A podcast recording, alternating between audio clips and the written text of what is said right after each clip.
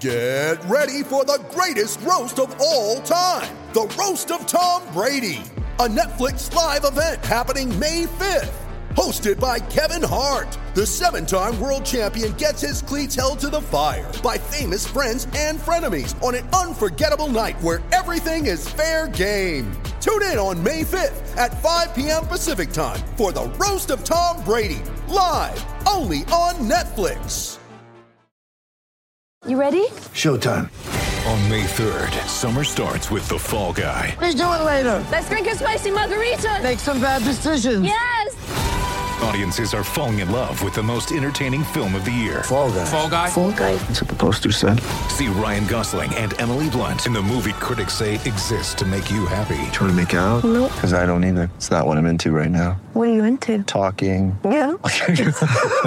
The Fall Guy. Only in theaters May 3rd. Rated PG-13. De stroom. Ready.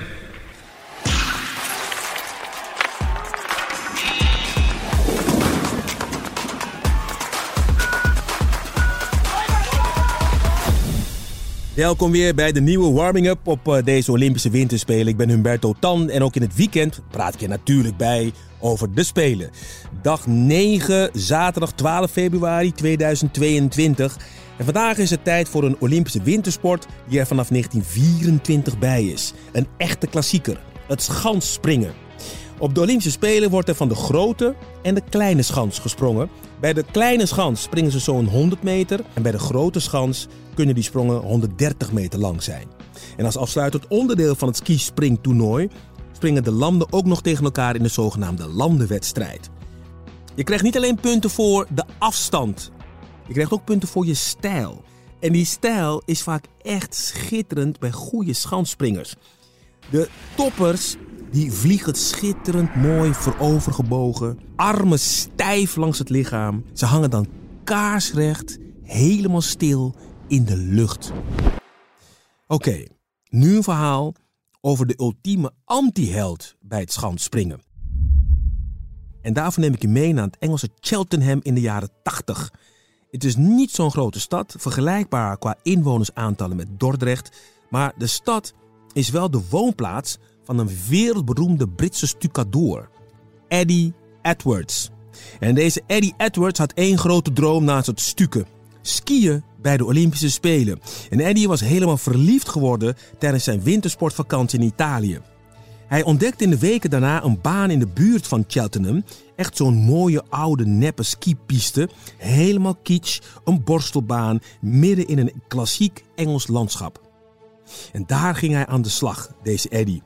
Een zaterdag, een keer een mooie zondagochtend. Gewoon een beetje spelen en aan je skills werken. Op een gegeven moment wordt hij serieuzer. Hij krijgt het gevoel het skiën echt wel aardig te kunnen. En het gaat ook eigenlijk best lekker. Hij besluit er iets van te maken. Dus Eddie begint mee te doen aan wedstrijden in Engeland en later ook een paar internationale wedstrijden. En die onbereikbare droom die lijkt eigenlijk steeds dichterbij te komen. Hij besluit te mikken op het alpine skiën bij de Olympische Spelen. In 1984 plaatst hij zich bijna zelfs voor de Spelen in Sarajevo. De sport wordt alleen steeds moeilijker voor hem om te betalen. En om zich heen wordt de concurrentie ook groter. Maar ingenieus als de stucadoor uit Cheltenham is, doet hij een ontdekking. Hij ontdekt dat er een onderdeel in het skiën is waar Engeland, in tegenstelling tot alle andere onderdelen, niemand naartoe stuurt. Het skispringen. Eddie ziet zijn kans. Hij denkt: dit is mijn onderdeel. Hij had geen ervaring, nauwelijks talent en hij was te zwaar voor een schansspringer. Hij woog namelijk 82 kilo. Dat was toen zo'n 9 kilo te veel. En hij had ook een beetje een lullige uitrusting, als ik dat zo mag zeggen. Zijn schoenen waren te groot. Hij had een bril met champotglazen onder zijn skibril die telkens besloeg. En qua zelfvertrouwen was het ook niet je van het. Hij had hoogtevrees. It's always on your mind that your next jump could be your last. The fear is always there. You can't get rid of it. But it's just it turns into a sort of a respect for the hill. Als schansspringer had hij dus hoogtevrees. Behalve al deze zaken had hij dus ook hoogtevrees. Je zag aan alles, dit is geen topsporter puur sang. Maar het deed hem maar weinig. Want het lukte die gekke Eddie Edwards gewoon om zich te kwalificeren. In 1988 startte hij op de Olympische Spelen van Calgary als gansspringer. En daar in Calgary staat hij bovenaan de Olympische skischans klaar voor de sprong van de grote schans. En dat valt toch best een beetje tegen. Twijfelend gaat hij klaarzitten voor zijn sprong. What's going through his mind right now, Jeff? I know he's nervous. I, I had a chance to talk to him earlier, and uh, this is of course his first Olympics. Uh, there he is. Er staat een harde wind en daar houdt Eddie niet zo van. Het maakt hem bloed en bloed nerveus. Maar hij moet naar beneden. Er is geen weg terug. Hij zet af, schiet naar beneden. Het lichaam vol stress en angst. En iedereen denkt dat hij gaat vallen. Dat hij een klapper maakt. Eddie landt op 71 meter.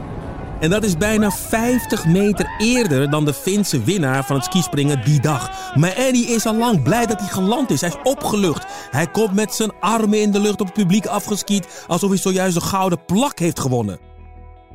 Het IOC, het Internationaal Olympisch Comité, vindt het allemaal minder leuk dan Eddie zelf.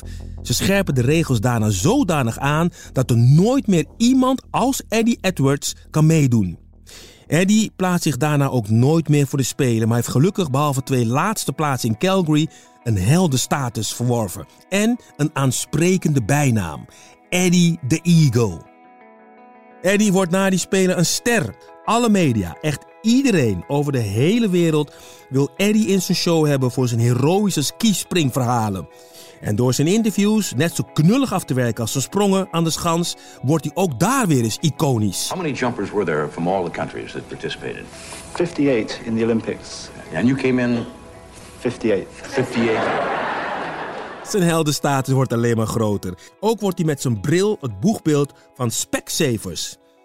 En het kan nog gekker. Hij bestormt ook nog eens de Britse hitlijsten met zijn hit Fly Eddie Fly. Een hit die hij trouwens ook nog vertaalde in het Fins, maar die versie zal ik je besparen. En nu, jaren later, is hij voor velen nog steeds een held. Zijn verhaal is zelfs verfilmd. Een film die hij zelf zo mooi vond dat hij de tranen van in zijn ogen kreeg. Tranen waarvan ik niet hoop dat ze zijn bril opnieuw doen beslaan. Ready. Het programma van vandaag. Ik neem nog even mee in de sport op de Spelen. En net zoals bijna iedere dag bij de Spelen. Vandaag ook weer schaatsen. Vandaag de kortste afstand, de 500 meter. Iets voor 10 uur is dat. En zoals elke dag ook weer Team NL op de baan. Kai voorbij, Thomas Krol, Marijn Scheperkamp. Om 12 uur kan je kijken naar de Eddie the Eagles van deze tijd. Die zijn wel veel beter, daar niet van. Maar goed, dan staat de finale van het skispringen op de grote schans op het uh, programma.